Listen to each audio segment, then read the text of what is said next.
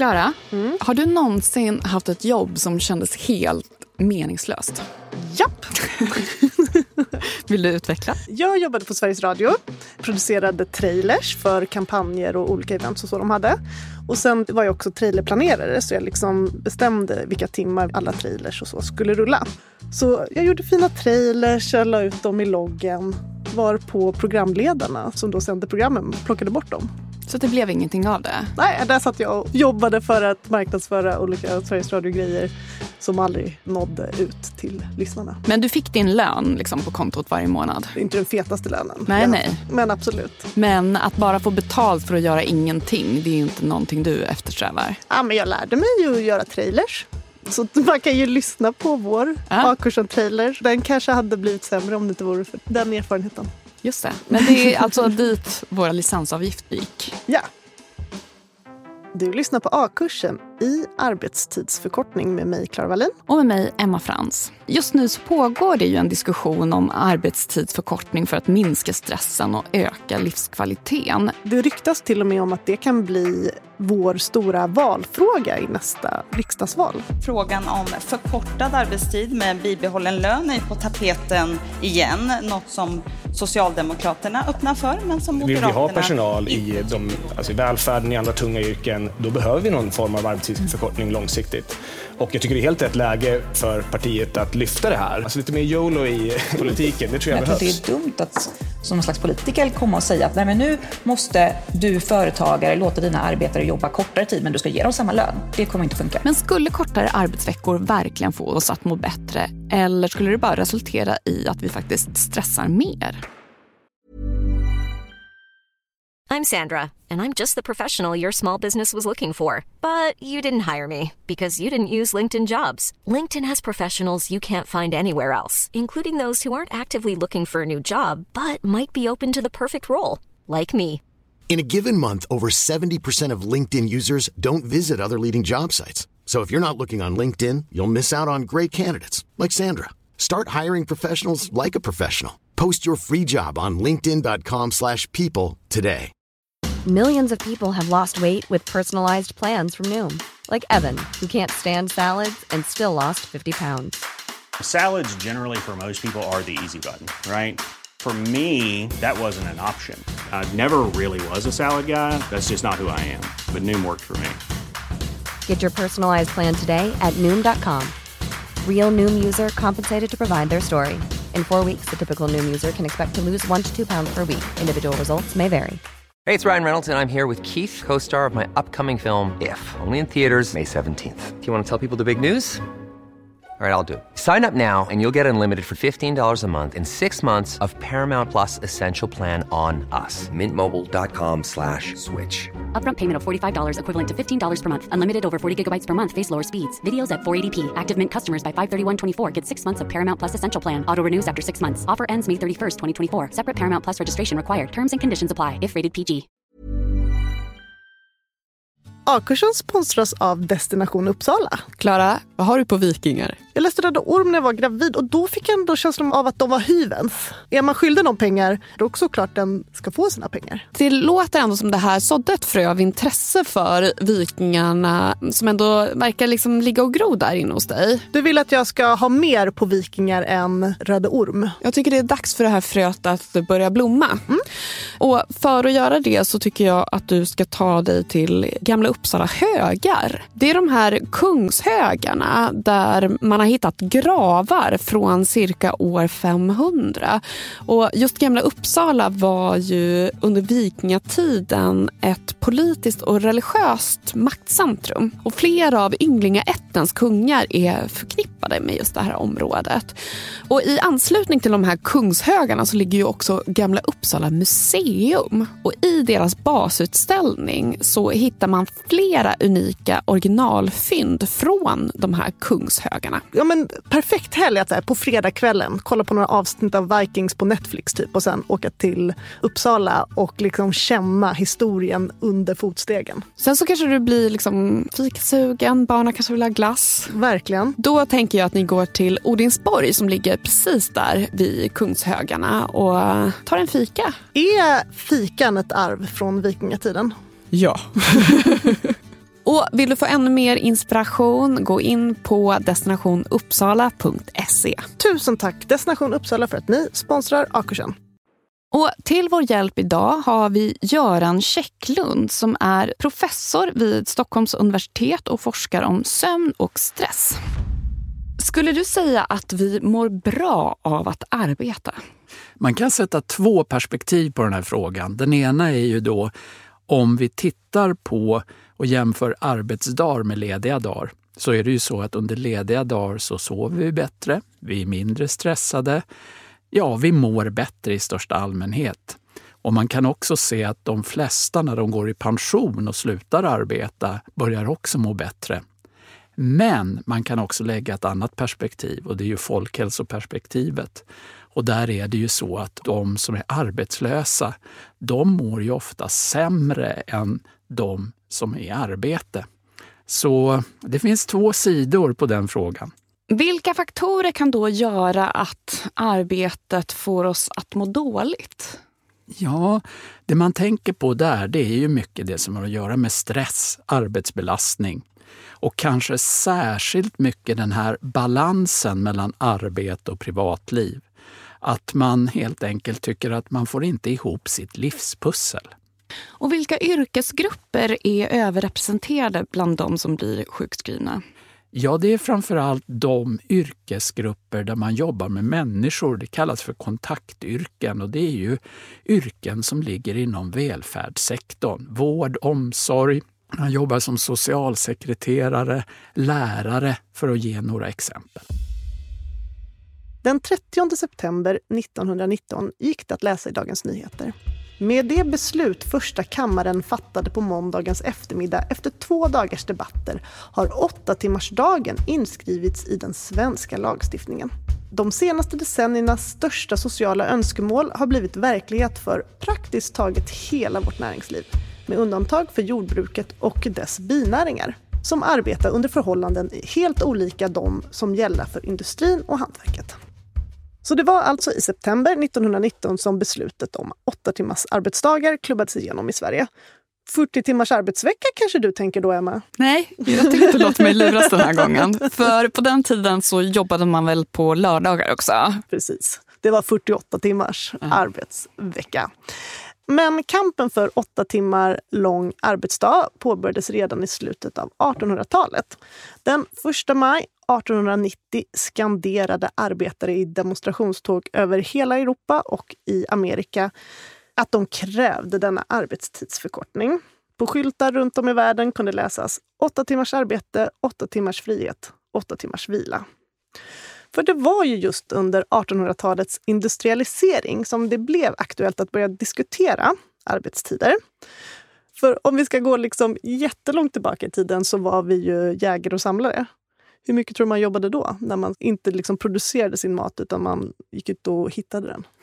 Jo, men det där tror jag ju att man har kunnat se att det är liksom mindre än vad vi jobbar idag. I alla fall den effektiva arbetstiden var kanske fem timmar eller något sånt om dagen. Jag har inte hittat någon exakt tid, men att inte så att man dygnets alla vakna timmar letade efter mat. Så verkar det inte ha varit. Nej, det där kommer väl senare, just det här att vi började jobba nästan hela vår vakna tid. Ja, det blev väl med jordbruket. Och då kan man fråga sig varför ska man hålla på och jobba så hårt när man bara kan gå ut och samla mat. Men tydligen så föredrog man detta mer ansträngande arbete eftersom att det blev mycket tryggare. Man kunde garantera sig mat på ett annat sätt än om man bara skulle ut och leta efter den.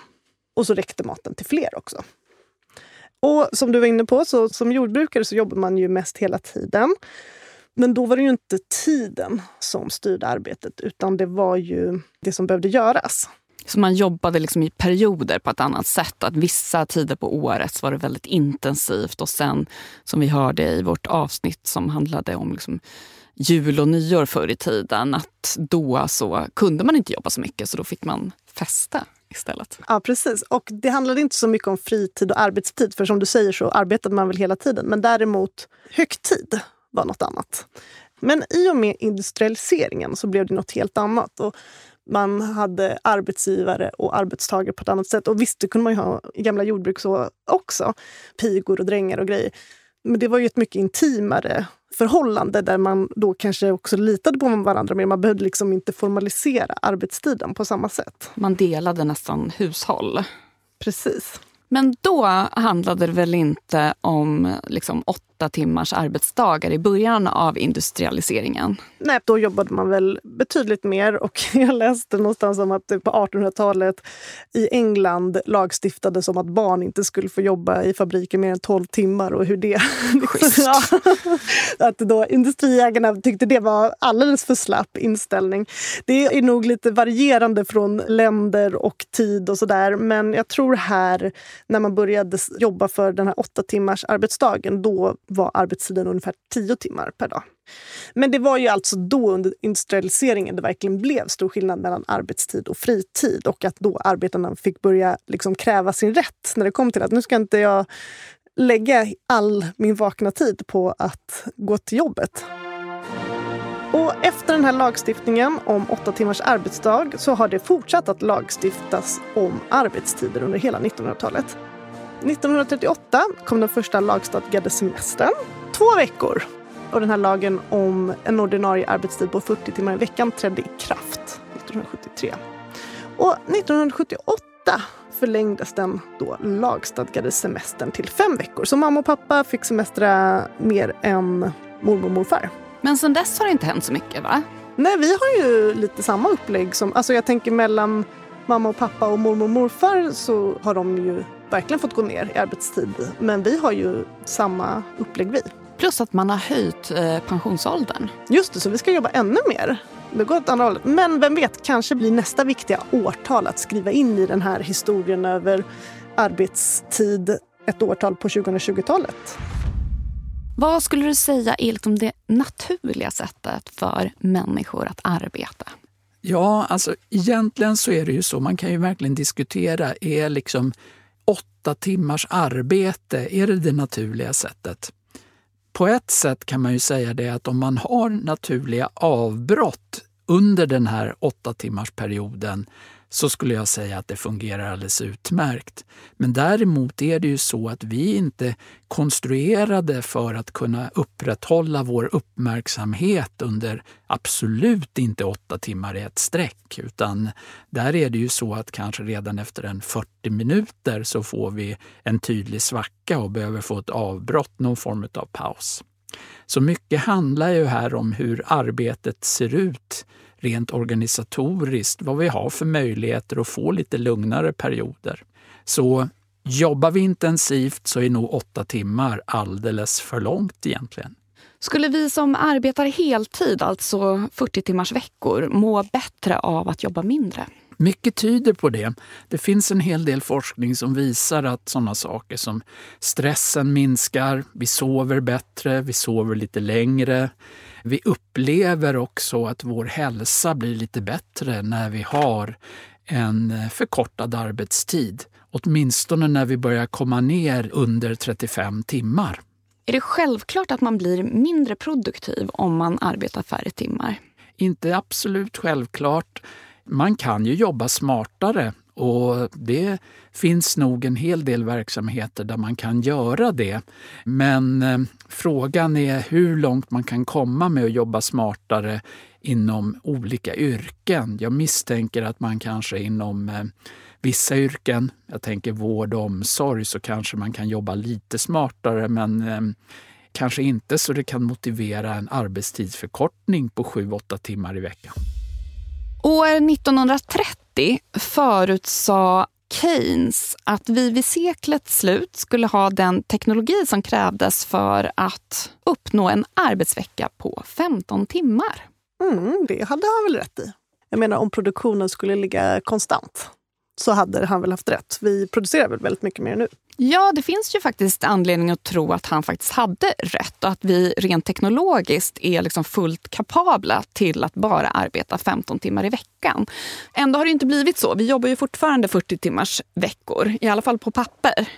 Ja, vi är på kontoret 40 timmar. Den amerikanska antropologen David Graeber, han menar ju då att eh, anledningen till att vi fortfarande jobbar 40 till 50 timmar, det är för att det finns så mycket bullshit jobs nu för tiden. Och att många, de kanske tillbringar 40 till 50 timmar på jobbet, men att den effektiva arbetstiden faktiskt är omkring 15 timmar. Vilket väl levt liv, säger jag ironiskt. Ja, men jag tycker att man kanske fick en indikation på det här under pandemin där en massa mellanchefer kunde mötas upp i stora gäng och spela paddel.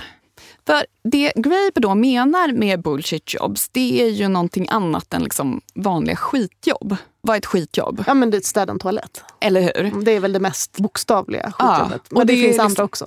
Ja, och det är också förknippat med att man kanske har låg status. Man tjänar inte jättemycket pengar. Men bullshit jobs, det är istället jobb som är förknippade med hög status och det är ofta ganska välbetalda jobb. Typiskt det här mellanchefsjobbet. Man har personalansvar, man håller på med budget. Man kanske har liksom någon sorts strategisk chefsposition. Det är ganska svårt att ge liksom en kort förklaring till vad man egentligen gör. Nej, man jobbar bara med de stora penseldragen som är diffusa för oss utomstående.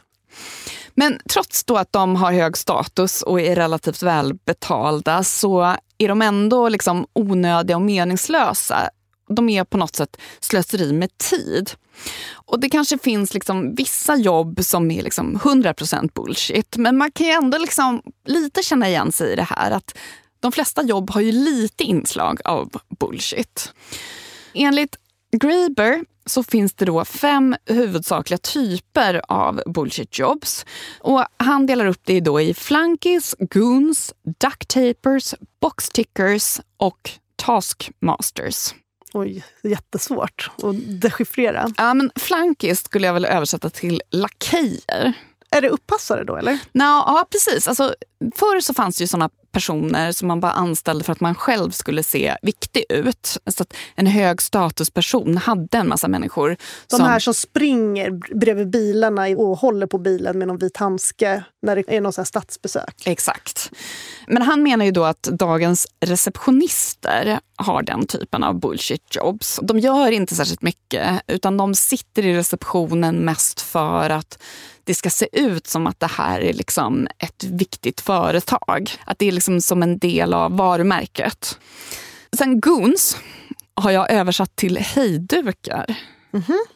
Såna här liksom personer som man har för att man... Ja, men det handlar också lite om det där att man ska se viktig ut men det är också lite i ett avskräckande syfte. Och Graeber pratar bland annat om då företagsjurister. Och de har man bara för att andra företag har sina egna företagsjurister. Så de måste, precis som att om du är en gangster Ja. så har du dina hejdukar bara för att andra gangsters har sina hejdukar. Så att du behöver liksom dina egna för att kunna försvara dig. De skapar en terrorbalans. Ja, exakt. Och det är så han menar också att det, det är därför man också skaffar sig företagsjurister. Men om alla skulle försvinna så hade det inte gjort något. Så, Exakt. Och det är därför det också anses vara ett bullshit-jobb.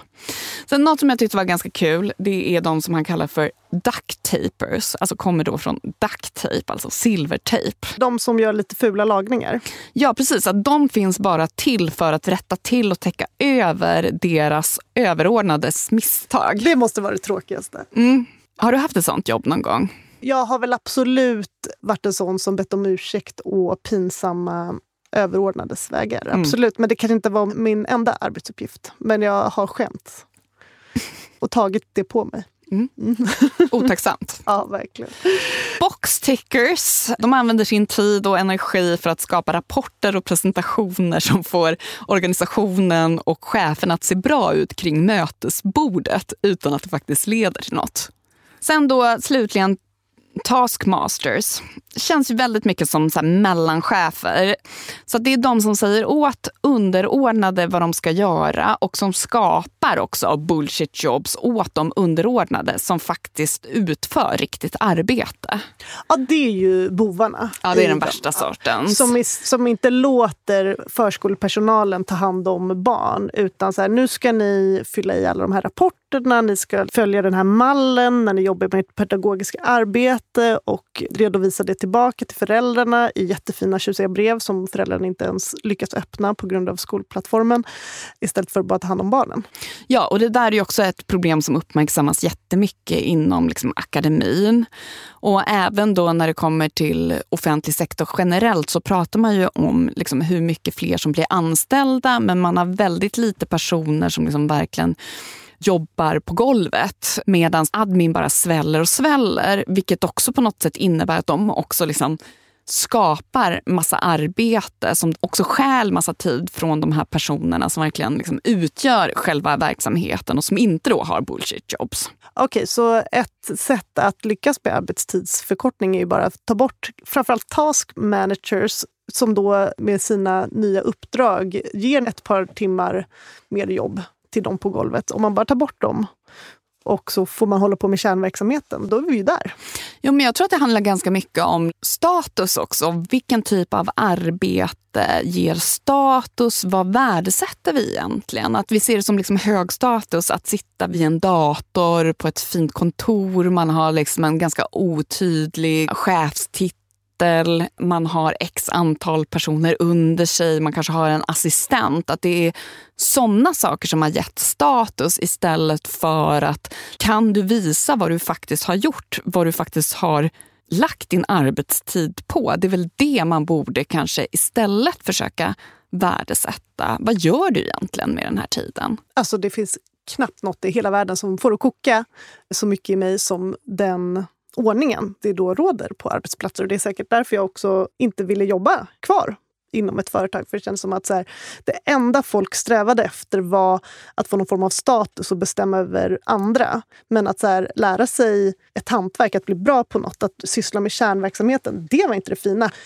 Jag kände att jag satt och skapade värde åt det här företaget då, som jag senast jobbade på varje dag. Och eh, det är ju inte så smart att skrämma bort de som faktiskt vill syssla med kärnverksamheten och ha sin egen lilla klubb för inbördes beundran några skikt upp.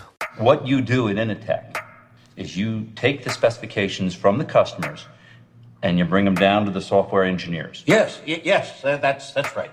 Well, then I just have to ask, why couldn't the customers just take them directly to to the software people, huh? Well, uh, I'll tell you why.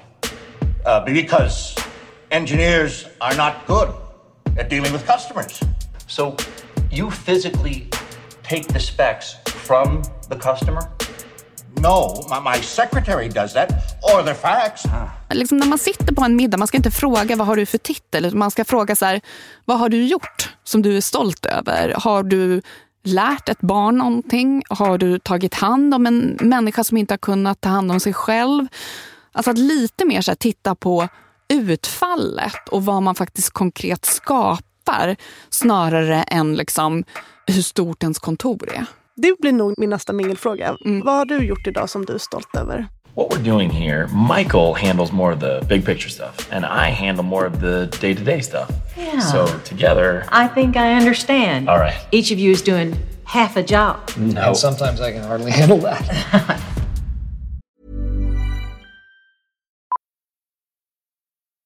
Millions of people have lost weight with personalized plans from Noom, like Evan, who can't stand salads and still lost 50 pounds. Salads, generally, for most people, are the easy button, right? For me, that wasn't an option. I never really was a salad guy. That's just not who I am. But Noom worked for me. Get your personalized plan today at Noom.com. Real Noom user compensated to provide their story. In four weeks, the typical Noom user can expect to lose one to two pounds per week. Individual results may vary. Hey, it's Ryan Reynolds, and I'm here with Keith, co star of my upcoming film, If, only in theaters, May 17th. Do you want to tell people the big news?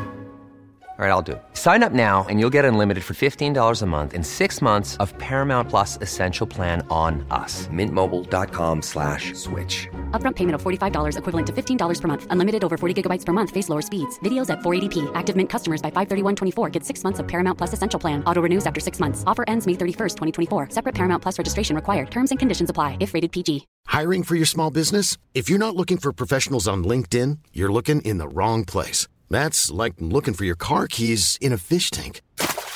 LinkedIn helps you hire professionals you can't find anywhere else, even those who aren't actively searching for a new job but might be open to the perfect role. In a given month, over 70% of LinkedIn users don't even visit other leading job sites. So start looking in the right place. With LinkedIn, you can hire professionals like a professional. Post your free job on linkedin.com slash people today.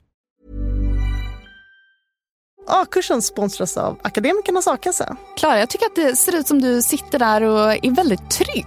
Och har inte jag varit trygg ända sedan du lärde känna mig? Jo, men det har du faktiskt nu när du säger det. Jag går liksom genom livet med någon form av grundtrygghet.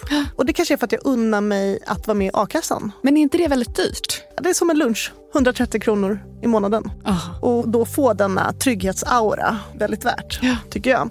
För att även om jag förlorar jobbet så står jag inte utan inkomst. I sånt fall skulle Akademikernas a-kassa betala 80 procent av min inkomst upp till 33 000 kronor i månaden. Och något som är så himla bra med just Akademikernas a-kassa det är ju att även om man byter jobb så behöver man inte byta a-kassa för att det är ju utbildningen som räknas. Man har ju alltid sina HP-poäng i ryggen. Mm. Och även om man inte har sina HP-poäng i ryggen så får man ändå gå med om man har det som mål. Just det, man är välkommen om man studerar och har som mål att ta minst, vad sa du, HP-poäng? 180 HP-poäng. Ja men det är helt fel. HP räcker ju, för P till HP står ju för poäng.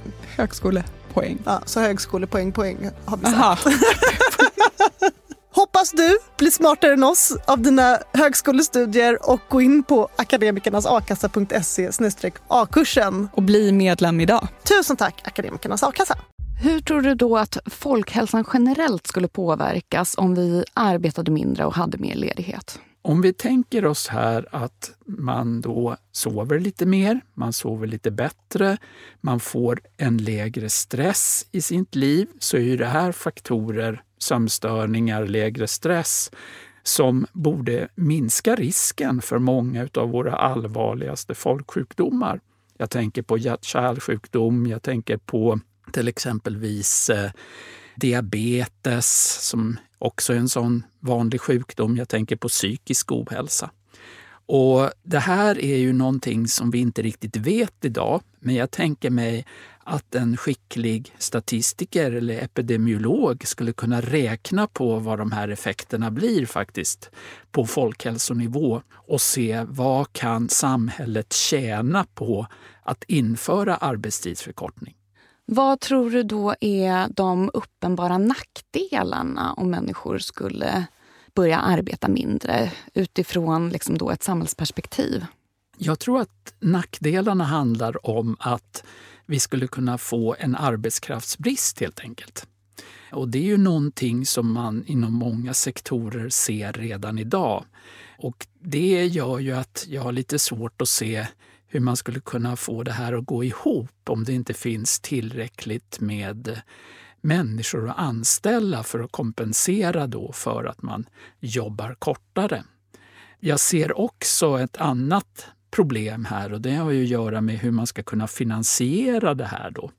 Det är ju så att om folkhälsan förbättras så kommer ju framförallt den statliga sektorn att få lägre sjukskrivningskostnader förmodligen och lägre kostnader för eh, sjukvård och sådana saker. Medan däremot så är det ju inte säkert att arbetsgivaren kan ta del av de här fördelarna utan det kan mycket väl bli så att man bara står där med Svarte Petter, det vill säga de ökade personalkostnaderna istället. Emma, har du gått i några första majtåg? Jag har tittat på dem, men jag har nog aldrig gått i dem. Tror jag har gått i många första majtåg? Nej, jag tror faktiskt inte det. Nej, jag kommer inte riktigt från den uppväxtmiljön. Men däremot hade jag mycket kompisar som gjorde det med sina föräldrar. Och den ramsan som de berättade om för mig som jag tyckte var mest fnissig att höra om var ju den här Vi vill ha sex, vi vill ha sex, vi vill ha sex timmars arbetsdag. Men precis som mina Sveriges Radio-trailers så kanske inte detta ljud nådde allt för långt ut och gav så mycket avtryck i politiken. För alltså, under min livstid har det här med arbetstidsförkortning inte varit en jättehet snackis. Har det varit det för dig? Alltså, jag personligen har ju tänkt på det väldigt mycket. Inte minst under pandemin när folk började spela paddel på arbetstid utan att någon märkte något. Absolut, då tycker jag det är de senaste åren. Men innan dess tycker jag att det nästan varit som en naturlag det här med åtta timmars arbetsdag. Och att det nästan snarare varit en grej att jobba jättemycket, att det mer nästan varit hög status. Ja, verkligen. Att man skryter nästan om hur liksom, långa dagar man jobbar. Mm, och som du säger, det tycker jag senaste tiden har blivit lite annorlunda. Och som du vet så har jag ju ett trollkonto på Twitter. Mm. Jag följer ingen. Jag har en följare. Ja, jag vet vem det är också. En av våra tidigare gäster som då trodde att det var ett normalt konto som en normal poddprogramledare har. Ja, nej, stackars honom. Han har inte sett något kul från mig. Jag har ju det bara för att titta på dig på Twitter. Jag undrar hur han hittade dig. Jag vet Det är spännande. Ja, Ja. verkligen. Men när jag då tittat färdigt på dina uppdateringar och kanske kollar runt lite mer generellt. Du likar aldrig heller någonting jag skriver. Nej, för jag vill ju inte göra något avtryck. Jag ville ju ha det som ett hundraprocentigt lurk-konto. Men sen råkade det vara min bild på. Mm. Men det har jag tagit bort nu. Nu är det ett ägg. Finns äggen fortfarande? När jag googlade fram Ah, den okej. äggbilden. Ja. Ja, Mm. Smart. Japp.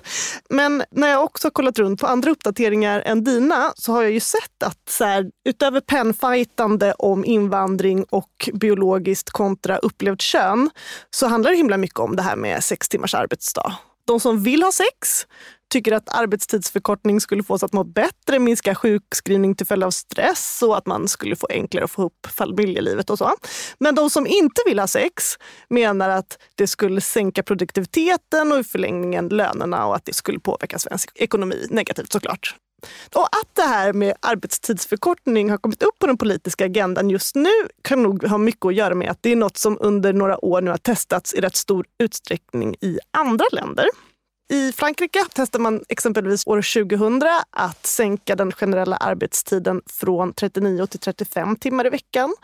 2015 började islänningarna gå mot fyra dagars vecka och redan nu är det väl standard att de flesta går hem vid lunchtid varje fredag. Och I Nederländerna är det väldigt vanligt att jobba deltid överhuvudtaget. Och även där är det väldigt vanligt att gå hem redan på, vid lunch på fredagen. Och såklart att arbetstidsförkortning funnits på den politiska agendan även i Sverige. Men det har ju mest drivits av Miljöpartiet och Vänsterpartiet. Men det har ju slagits ner av Socialdemokraterna.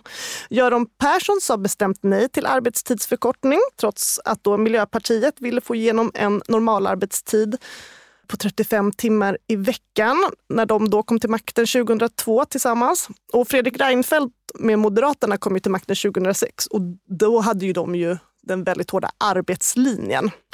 De kallade sig ju till och med Sveriges enda arbetarparti. Så en arbetstidsförkortning hade kanske inte rimmat så superbra med den hållningen. Men förra året, 2023, hade det faktiskt börjat låta som att Socialdemokraterna kan tänka sig att joina sina vänner på vänstersidan.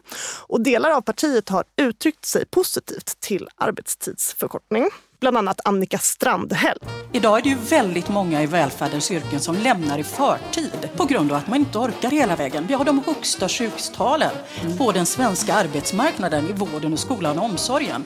Vi kan inte fortsätta driva de här verksamheterna på medarbetarnas axlar till bekostnad av deras hälsa. Under Socialdemokraternas nästa kongress så kommer de diskutera vilka som ska bli deras valfrågor. Vi har ju ett pågående arbete i socialdemokratin just nu med ett antal arbetsgrupper som tar fram en ny politik. Och jag leder då den arbetsgrupp som tittar på ett hållbart arbetsliv. Och då blir det väldigt naturligt att man också tittar på arbetstidsfrågan. Så det finns en möjlighet att Socialdemokraterna faktiskt kommer profilera sig som sexpositiva i valkampanjen 2026. Spela mer, jobba mindre, dela mer,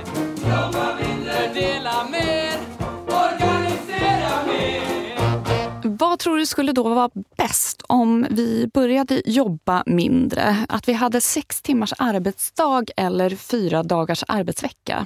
En bra fråga och jag tror att det är så att båda skulle säkert innebära en lägre stress och kanske att man får lite bättre sömn och man mår bättre i största allmänhet. Men jag misstänker att en majoritet av eh, de som arbetar i Sverige skulle föredra fyra dagars vecka.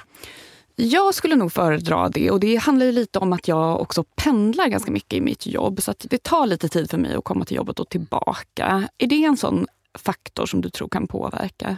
Absolut tror jag det. Och sen tror jag också att många tycker att man skulle få ett större utbyte av helgen om man har en extra ledig dag. För då skulle man kunna klara av en del av de här måste-aktiviteterna och kunna fokusera på det som är roligt. Återhämtning bland annat under helgerna, lördag, söndag. Så du tänker då att det skulle vara bättre om man då jobbade fyra dagar, att man hade en extra helgdag istället för att lägga den här extra lediga dagen mitt i veckan? Egentligen så tror jag nog att det skulle vara kanske utifrån, det beror alltså mycket på här, hur ser ens arbetssituation ut? Har man en belastande arbetssituation så tror jag egentligen att det perfekta är utifrån arbets... Miljöperspektivet är ju att vara ledig en onsdag då. Men jag tror att om man har en arbetssituation som ändå är liksom, det är inte jättemycket stress och man har en rimligt hög arbetsbelastning, då tror jag nog att att vara ledig en fredag eller måndag passar alldeles utmärkt. Men det beror som sagt var på hur arbetssituationen och livssituationen. Och det är klart att skulle vi genomföra det här, alla kan ju inte vara lediga fredag, måndag. Några måste ju vara lediga de andra dagarna i veckan också. Det finns ju onekligen en folklig opinion för arbetstidsförkortning. I den senaste undersökningen som SOM-institutet gjorde, alltså för år 2022, så uppgav 53 procent av de tillfrågade att de ansåg att förslaget om sex timmars arbetsdag var bra eller ganska bra. Och förra året så publicerades resultaten från den hittills största studien som undersökt vad som händer när arbetstiden förkortas till fyra dagar per vecka. Och det här har man gjort på försök i Storbritannien. Och man gjorde då en studie som pågick i sex månader och när testperioden var över beslutade en överhängande majoritet av de här 61 företagen att fortsätta med förkortad arbetstid. För både företagen och de anställda upplevde en mängd fördelar med det här upplägget. Sjukdagarna minskade, färre anställda sa upp sig och produktiviteten ökade till och med. Jaha, man tänkte att så här, i bästa fall så ligger den kvar på samma nivå, men den blev till och med bättre. Mm. Och Samtidigt så förblev intäkterna i stort sett de samma eller till och med ökade jämfört med tidsperioden åren innan. Och de anställda de uppgav att de kände mindre stress och bättre balans mellan arbete och privatliv. Ja, det låter väldigt skönt. Mm, men den här studien fick dock en del kritik, bland annat då från Göran Käcklund. Först och främst tycker jag det är väldigt roligt att det görs en sån studie. Det har funnits en kunskapslucka där och det är bra att vi täpper igen den. Men min kritik där i själva genomförandet det är framförallt två faktorer som jag inriktar mig på. Den ena är att man inte har någon jämförelsegrupp. Och det är ju så att det är lite svårt att utvärdera någonting när man inte har en jämförelsegrupp som jobbar som vanligt, det vill säga 40 timmars vecka. Det andra faktorn det har att göra med att det är så kort uppföljningstid. Det är bara sex månader. Och sex månader är alldeles för lite för att vi ska kunna dra några säkra slutsatser. Jag skulle kunna tänka mig att man kanske under den första perioden är alldeles överlycklig utav att få behålla samma lön men jobba bara fyra dagar istället för fem. Och sen kanske det kommer liksom de här negativa konsekvenserna utav det. Till exempelvis att man kanske eventuellt måste jobba hårdare. innebär att de kommer senare istället. Kanske tar uppåt ett år innan man kan ge den där lite mer balanserade bedömningen utav om fyra dagars vecka är bra eller dåligt. Är det här med bibehållen lön tror du viktigt för att människor ska liksom vilja gå ner i arbetstid? Jag tror att det är jätteviktigt, för vi ser om vi tittar på de som jobbar deltid, vilket ju innebär att man går ner i tid men också går ner i lön, att där ser vi inte att det är samma positiva effekter på hälsan. Utan tvärtom kan man se att det kanske till och med kan vara till och med sämre för hälsan för att man tvingas ta flera jobb. Och då tänker jag lite på det här med som kallas för gigekonomi och sådana saker.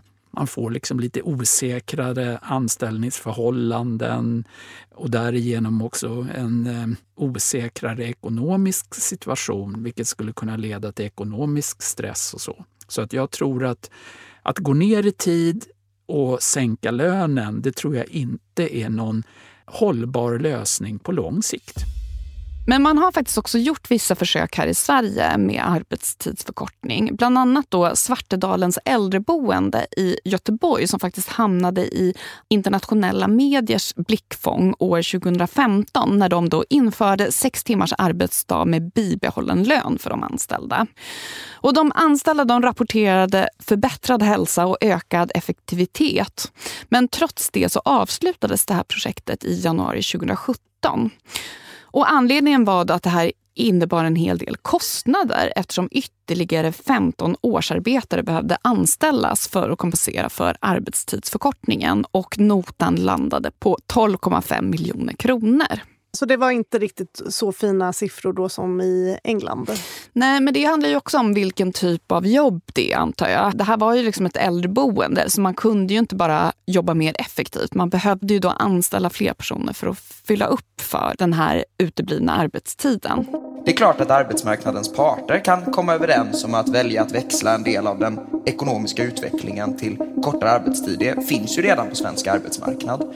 Men att försöka ta den här typen av genvägar, det riskerar att snarare lura svenska folket att den ekvationen går Nu ihop. tycker jag också att det är viktigt att debatten, alltså att vänstern håller i debatten. För att den här kritiken som kommer nu från höger, den är ofta ganska slarvig och osaklig. Alltså, framförallt tar den inte in att det ökade välmående, den ökade hälsa som kommer med en arbetstidsförkortning också ökar produktiviteten och minskar statens Jag kostnader. tror inte att det är liksom rätt väg att lagstifta eller bestämma om exakt hur mycket man ska jobba. Jag tror att vårt problem är att vi har fasta timmar som alla ska pressas in i samma mall. År 2012 så rapporterade svenska medier om en 65-årig kommunanställd tysk som gick i pension. Och I samband med det här så skickade han ett avskedsmail till sina kollegor. Och I det här mejlet så avslöjade han att han hade inte lyft ett finger på 14 år. Tror inte du att hans kollegor redan hade märkt det? Och den här berättelsen fick ju enormt stort genomslag. Den här mannen hade arbetat då på en byggavdelning och han hade hämtat ut 6,5 miljoner kronor totalt sett i lön sedan 1998. Och under den här perioden så hade han inte utfört några som helst arbetsuppgifter. Och anledningen till det här det var ju då att man höll på med någon sorts omorganisering. Så uppgifter hade liksom tagits ifrån honom och lagts på andra samtidigt som andra i den här avdelningen utförde de uppgifterna som den här mannen egentligen hade blivit ålagd. Så han hamnade ju i den här lite märkliga situationen.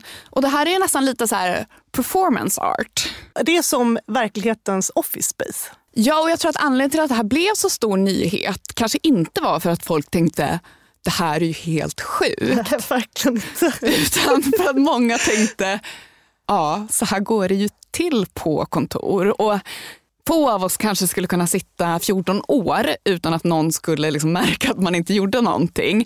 Men jag tror att vi alla någon gång i livet har haft en anställning där i alla fall en del av arbetet har känts väldigt liksom meningslöst. På tal om Sveriges Radio så fanns det ju rykten om sådana som kom in på jobbet, hängde av sig sin jacka på stolen, satte igång datorn, kanske ställde en halvdrucken kopp kaffe på bordet, gick hem för att sen gå tillbaka och släcka ner kontoret men så att det ändå skulle se ut som att de var där och var igång. Vad tråkigt att ingen av de här liksom public service-anställda kommer ut på det här sättet. För det är väl det som kanske också var väldigt tilltalande med berättelsen om den här tyska kommunarbetaren. Att han faktiskt erkände det här till slut. Det är nog ganska många som går runt och i princip lever på det här sättet utan att i slutändan skicka ut ett bekännelsemail. Ja, det tror jag verkligen. Men också tycker jag det är bättre att vara en sån som går hem och njuter av livet än sitter kvar på sitt gråa kontor och lägger patienser hela dagarna. Ska man inte jobba så kan man i alla fall njuta.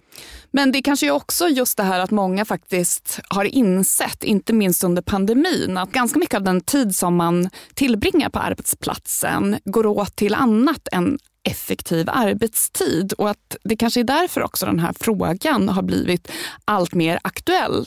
För man känner att skulle jag jobba lite smartare, lite bättre så skulle jag kunna jobba färre timmar och ha tid till andra roligare aktiviteter. Det här att man liksom säljer sin tid åtta timmar per dag till en arbetsgivare. Är det inte ett lite märkligt sätt att se på arbete? På ett sätt är det ju det och jag tänker att i många fall så handlar det kanske mer om att man är intresserad av att få en uppgift utförd. Och då skulle man ju kunna tänka sig att någon som utför det på kanske sju timmar, att man då i den här dealen så skulle man då få en belöning i form av att man behöver inte utföra arbete under åtta timmar. Man har en timme som arbetsgivaren bjuder på. Men min uppfattning är ju att man idag så är vi på väg mot att arbetsgivaren verkligen vill kontrollera hur vi jobbar och har också möjlighet med det genom små fiffiga program man lägger in i sin dator och sånt. Och vi har också yrken som till exempel som man är städare där man blir väldigt hårt kontrollerad tidsmässigt. Och det är klart att då tror jag att det är någonting som eh, faktiskt driver på stress en hel del. Alltså att, och varför ska man egentligen anstränga sig och försöka ens bli klar med sitt arbete lite tidigare när man vet att man snarare blir bestraffad och istället får utföra nya uppgifter och någonting som kanske driver på stress och liksom arbetsbelastning. Så den här personen som sitter på jobbet, inte stressar för att bli klar först av alla utan den som liksom tar det lugnt, lägger lite patiens då och då. Ska vi se den personen som en hjälte snarare än någon som bara sitter och maskar? Ja, kanske. Alltså, det är jättesvårt att veta och att det säkert är så, det är väl ganska väl bekräftat att man inte utför arbete under en åtta timmars dag hela tiden utan man kollar sin privata mejl, man kanske surfar lite och man kanske eventuellt ligger en patiens också. Det kan nog hända och jag tror att det faktiskt paradoxalt nog kan ge lite återhämtning att göra på det sättet. Men jag tycker att det egentligen är lite synd att man i vissa yrken då inte ser mer till själva arbetsuppgiften och att man mer skulle ha det som ett mål, alltså att man ska klara av en viss arbetsuppgift och gör man det lite tidigare så skulle man kunna få ägna den resterande tiden åt andra saker som till exempelvis att lämna jobbet och eh, starta sitt privatliv. Skulle jag bli anställd igen, det är inte så här, oh wow, pingisbord och popcornmaskin, jobba tills det liksom skymmer. Att det skulle vara något som fick mig att bli mer sugen på att bli anställd. Utan det är ju just att, här, att ha en chef som är så här, Klara, jag förväntar mig att du löser de här uppgifterna. Gör det på vilket sätt du vill. Gör det så bra du kan, men jag kommer inte stå här och vaka över dig som en hök. Så att, om det är någon employer branding jag skulle gå igång på hos ett företag så är det faktiskt den typen av ledarskap. Ja, och om vi då förväntas arbeta upp i liksom högre åldrar så behöver man ju också en långsiktigt hållbar arbetssituation. Och det vi ser idag är ju att liksom unga människor blir utbrända redan i skolan, redan innan de kommer ut på arbetsmarknaden. Så att jag tror ju faktiskt att oavsett lite vad man tror blir framtidens stora problem så måste man ju på något sätt skapa hållbara arbetssituationer där människor faktiskt trivs på jobbet. Du har precis tagit A-kursen i arbetstidsförkortning med mig, Clara Wallin. Och med mig, Emma Frans. Och idag när det här avsnittet släpps så kommer vår tenta upp på Instagram. A-kursen understreck podd heter vi där. Följ oss jättegärna där så kan du ta tentan som ligger i våra händelser och sparas efter ett dygn i våra höjdpunkter.